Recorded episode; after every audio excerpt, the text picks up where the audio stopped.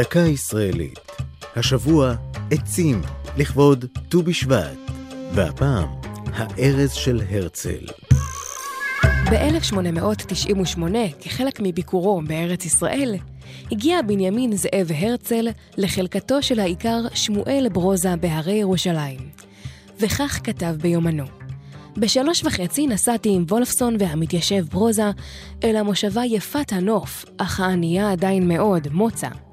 שם החל הצעיר האמיץ הזה לאבד את הקרקע הנידחת והנוקשה.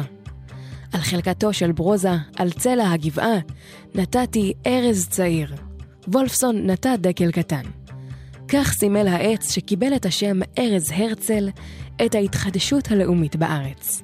במהלך מלחמת העולם הראשונה נפגעו העצים. הדגל שנטע עוזרו של חוזה המדינה נשרף, ואילו הארז נכרת, וכל שנותר ממנו הוא גדם בגובה 60 סנטימטר. כל הניסיונות להשיב את העץ לחיים עלו בתוהו, והגדם התייבש והתנתק מהקרקע. מבדיקה בוטנית עלה כי גילו של העץ אכן תואם את הסיפור ההיסטורי, אלא שאין מדובר בארז, אלא בברוש. במקום שעמד בו העץ, הוקם לימים בית ההבראה ארזה, ואילו הגדם הושם בקופסת זכוכית וניצב עד היום במתחם המוסד. בית ההבראה אינו פעיל כיום. זו הייתה דקה ישראלית על עצים והארץ של הרצל. כתבה נעמי שניידר, ייעוץ הפרופסור גדעון ביגר, הגישה עדן לוי.